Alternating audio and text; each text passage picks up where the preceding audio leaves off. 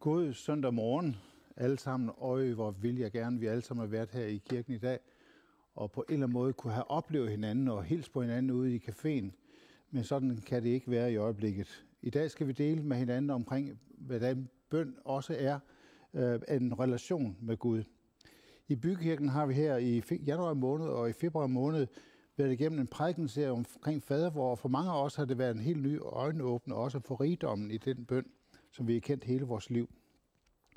Og jeg ved fra flere ikke-kirkevandte, at, at, for, at fadervor blev den, det anker i stormen, som en gang imellem ligesom blev det, som er holdt fast i, også i ens eget åndelige liv, også førte til en større afklaret tro på Gud senere. Vi lærte, at i Kristus har Gud ført os over i et nyt faderforhold til Gud. At vi kalder Gud vores far, og Gud er den almægtige. Han er vores far, men samtidig er han den almægtige Gud. I dag har vi i dag vil jeg gerne bare dele noget, som er rigtig, rigtig vigtigt for mig at få delt, også som afslutning på den her serie, at øh, hvordan vi kan opleve en glæde ved bøn. At bøn virkelig er en glæde, ikke en tung byrde. Og glæden ved at være en forbeder, glæden ved at kan gå i forbøn for andre mennesker. Når vi, på, når vi søger på Google og spørger, øh, hvem, hvad er en forbeder for en, så svarer Google sådan, du har søgt efter forbeder, mente du at forbedre? Underforstået dig selv. Man skulle næsten tro, at Google havde sådan en applikation, at man var i stand til at aflæse, hvad folk tænkte omkring det med at bede. Om det handlede om at forbedre sig selv og blive et bedre menneske ved at bede noget mere. Bede emmer ofte af tungsind og dårlig samvittighed. Og nogle gange er vi rigtig dårlige til at skabe miljøer, hvor det er dejligt sjovt og dejligt bekræftende at bede sammen. Jeg har selv været leder af fyraftensbøn her i kirken de sidste 11 år, og det har været, når vi har været nogle få, så har jeg altid sagt, bøn skal være en glæde. Det skal altid være dejligt godt at bede. For venskab, bøn er venskab med almægtige. Det er, at vi får lov til at bede. Det er, at vi får lov til at bede sammen. Have kontakt med en træenige Gud, så som sagtens skulle klare sig uden os. Men have valgt at dele hans smerte med os, således at vi kan blive en del af helingsprocessen på den her verden og i den her jord, i vores egen familie, i vores egen kirke, i det kvarter, vi bor i, der hvor vi hører hjemme. Bøn er ikke bare en relation, men bøn er også venskab med Gud. Fortrolig venskab. Jesus siger det sådan, jeg kalder ikke længere tjenere, for tjeneren ved ikke, hvad hans herre gør. Jeg kalder jer venner, for alt, for at hvad jeg har hørt af min far, har jeg gjort kendt for jer. Gud kalder os venner. Bøn er et fortroligt venskab med Jesus. Og i den relation med Jesus, der kan han gennem sin ånd, og ved det ord, han giver os, i konkrete situationer, give os et løfte, som bliver vores ord, vores, det løfte, det personlige løfte, vi har for i en given situation, i en usikker verden, hvor vi pludselig oplever, at vi har brug for noget for ham til at kunne stå på. Et løfte om, som bliver et dybt personligt løfte. Ligesom Maria, hun gemte alle disse ord i sit hjerte og grundede over dem. Hun råbte det ikke ud for tagene. Hun skrev det ned, mediterede over det. For at beskytte sig selv, delte hun ikke med alle kvinderne i Nazareth. For det vi får fra Gud at stå på, i en konkret krigssituation, en konkret ny, hvor vi bevæger os ind i et nyt område, det er dybt personligt noget fra Jesus til dig i dette fortrolige venskab. Der er tre opmuntringer omkring bøn og forbøn, som jeg gerne vil dele her i formiddag. For det første, at Jesus går i forbøn for os. Jesus han siger i den ypperste præstelige bøn i kapitel 17 i Johannes evangeliet, jeg beder for, for dem, ikke for verden, jeg beder for dem, som du har givet mig. Og ikke alene beder jeg for, øh, men jeg beder også for dem, som er kommet til tro på mig gennem jer. Og Jesus han siger her, at han beder for os. Dit navn er nævnt i himlen i dag. Jesus har nævnt dit navn i himlen i dag. Han beder for dig ved navns nævnelse i dag. Og det andet, som er enormt opmuntret, det er, at ånden selv går i forbøn for os. Paulus siger det sådan, at ånden kommer os til hjælp i vores skrøbelighed, for hvad vi, hvordan vi skal bede, og for hvad vi skal bede om, ved vi ikke. Men ånden selv går i forbøn for os med usigelige sukke. Her dybt i dit hjerte, ind bag ved fjerde og femte ribben, bor Helligånden i dig. Og den beder for dig i dag. Helligånden beder for dig i dag. Der er liv i dig. Og det tredje opmundring i formiddag er, venner går i forbøn for dig. For nogle år siden, der blev vi hjemme i vores familie ramt af alvorlig sygdom. Og det, blev, det var sådan, at når jeg sad og havde min personlige andagt ude i drivhuset om, om morgenen, så blev mørket mørkere. Jeg oplevede, at der ikke var hul igennem. Jeg oplevede, at det var som himlen var lukket. Det var som om mørket bare blev mørkere, og jeg vidste ikke, hvordan jeg skulle bede. Og pludselig mærkede jeg, at jeg kan ikke engang bede mere. Pludselig kom der en sætning til mig i mit indre. Nu hvor du ikke selv kan bede, er der venner, der beder for dig. Der er andre, der løfter hænderne for dig i dag. Hvis du ikke selv kan bede i dag, så er der andre, der beder for dig lige nu. Lige nu. Og det er dine sande venner. Vi skal prøve at kigge på noget, som jeg har kaldt forbøndens natur, som en åndelig virkelighed, som mange af os oplever, og nogle gange kan gøre os frustreret, og samtidig også måske kan forklare lidt i, i formiddag, hvorfor vi har så svært med det med forbøn.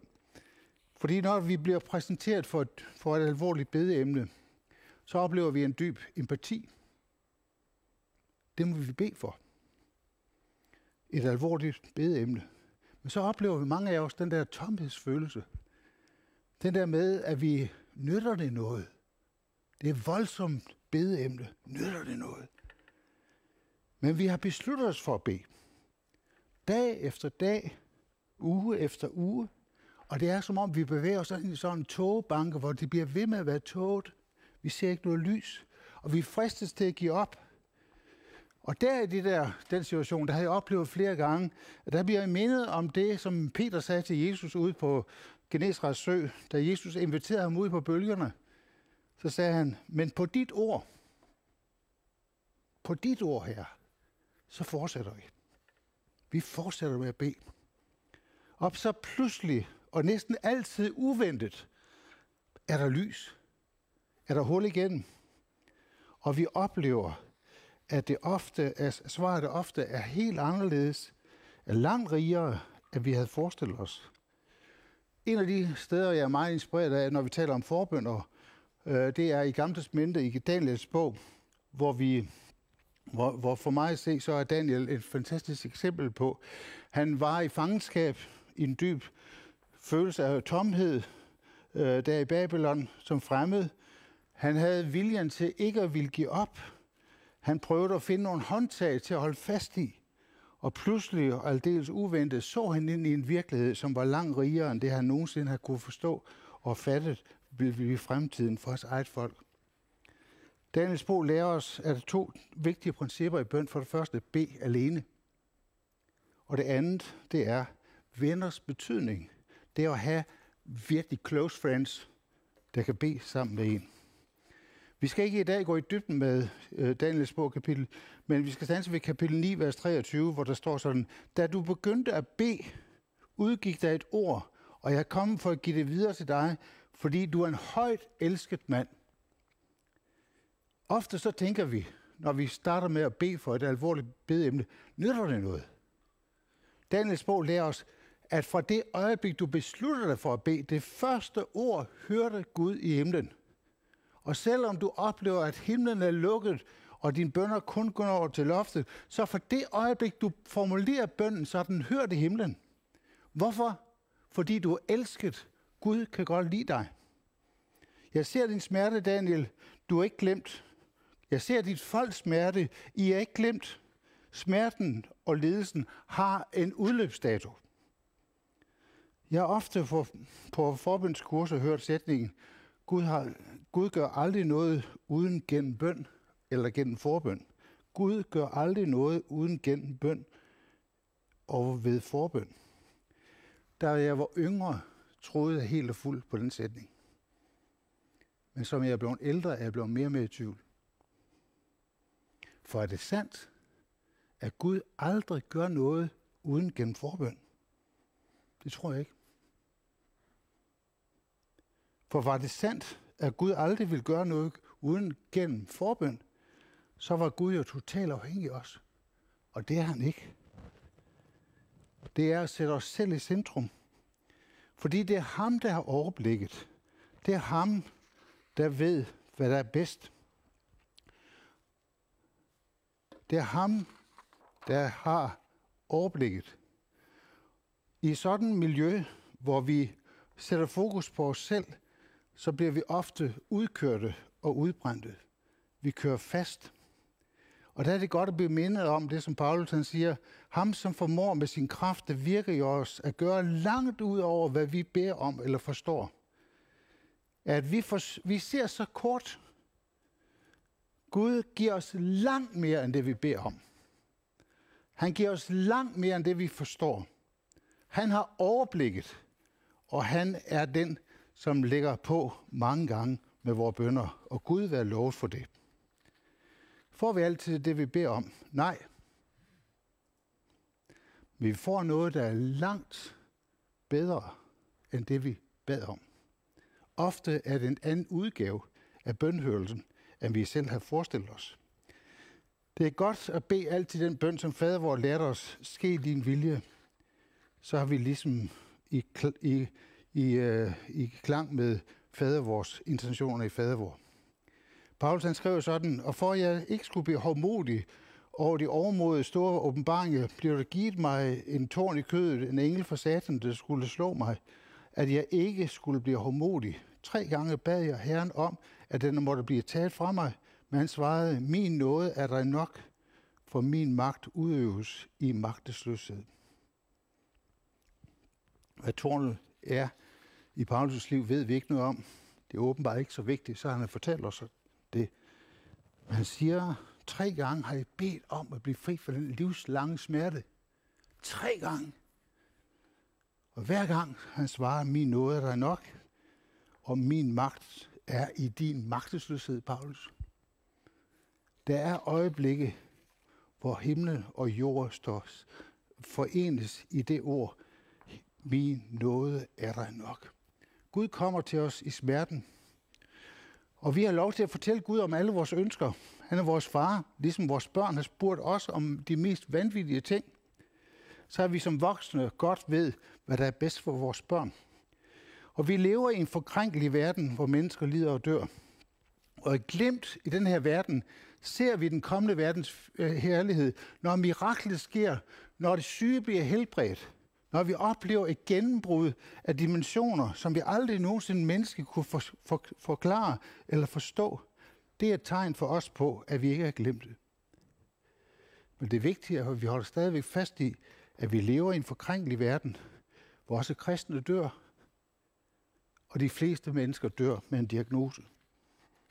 Og hvis vi ikke er opmærksom på det i forbøndens rum, så sætter vi os selv i centrum, og vi gør os til vi, gør os, vi påtager os og går længere, end skriften tillader. Og der knækker vi lidt nakken, og dør man en dybere smerte ved kisten. I forbøndens rum formidler vi Guds hjælp til mennesker. I forbøndens rum beder vi om, at det indre menneske må styrkes, og mennesker må finde håb og trøst og hjælp i livet.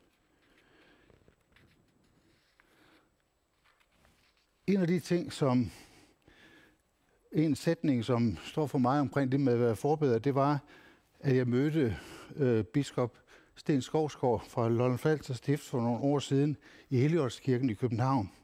Han sagde det sådan, den familie er heldig, som har en forbeder. Jeg var til bønfoundationen i Helligåndskirken på Strøget. Og Sten Skovsgaard var indkaldt, øh, var inviteret som taler til, vi var 700 i kirken, flest nydanskere. Det var virkelig en blandet skare. Der var så mange, der ville have været ind i kirken, at der var 200 udenfor, der ikke kunne komme ind. Og vi havde to og en halv time med lovsang og bøn og tilbedelse. Mennesker, der havde været på flugt, var samlet til lovsang og tilbedelse. Så talte Sten Skovsgaard om det, vi i naturen kalder ozonlaget, som er, som beskytter jorden mod øh, solens øh, ultraviolette stråler, og hvis ikke der var noget ozonlag, så ville hele liv, alt liv på jorden forsvinde. Så talte han om bønden og forbønden som sådan et åndeligt ozonlag. Og så fortalte han en episode ned fra sit stift, nede på Lolland Falster, hvor han kendte en hjemmehjælper, som var kommet ind til en, øh, en ældre mand, låste sig ind i lejligheden en aften for at lægge ham i seng og ordne ham, inden han skulle sove. Og da han kom ind i stuen, så er der ingen i stuen, der er heller ikke nogen i køkkenet. Han sætter sig ned, og så kan han høre lyde inden for soveværelset. Lukker forsigtigt døren op ind til soveværelset. Der ser han en mand ligge på knæ. Med lange lister. Med hans børn, svigerbørn, børnebørn, oldebørn, naboer. Alle skrevet op på den liste der. Han lukker lige døren igen, venter i nogle minutter eller i nogle kvarter udenfor, indtil manden er færdig kommer ud. Så kiggede Sten Skovskov ned på os. Hvor er den familie heldig, som har en sådan morfar, farfar, far, onkel, som beder for vores familie. Hvad har vi lært i dag? Find, find tid. Afsæt tid. 10-15 minutter til.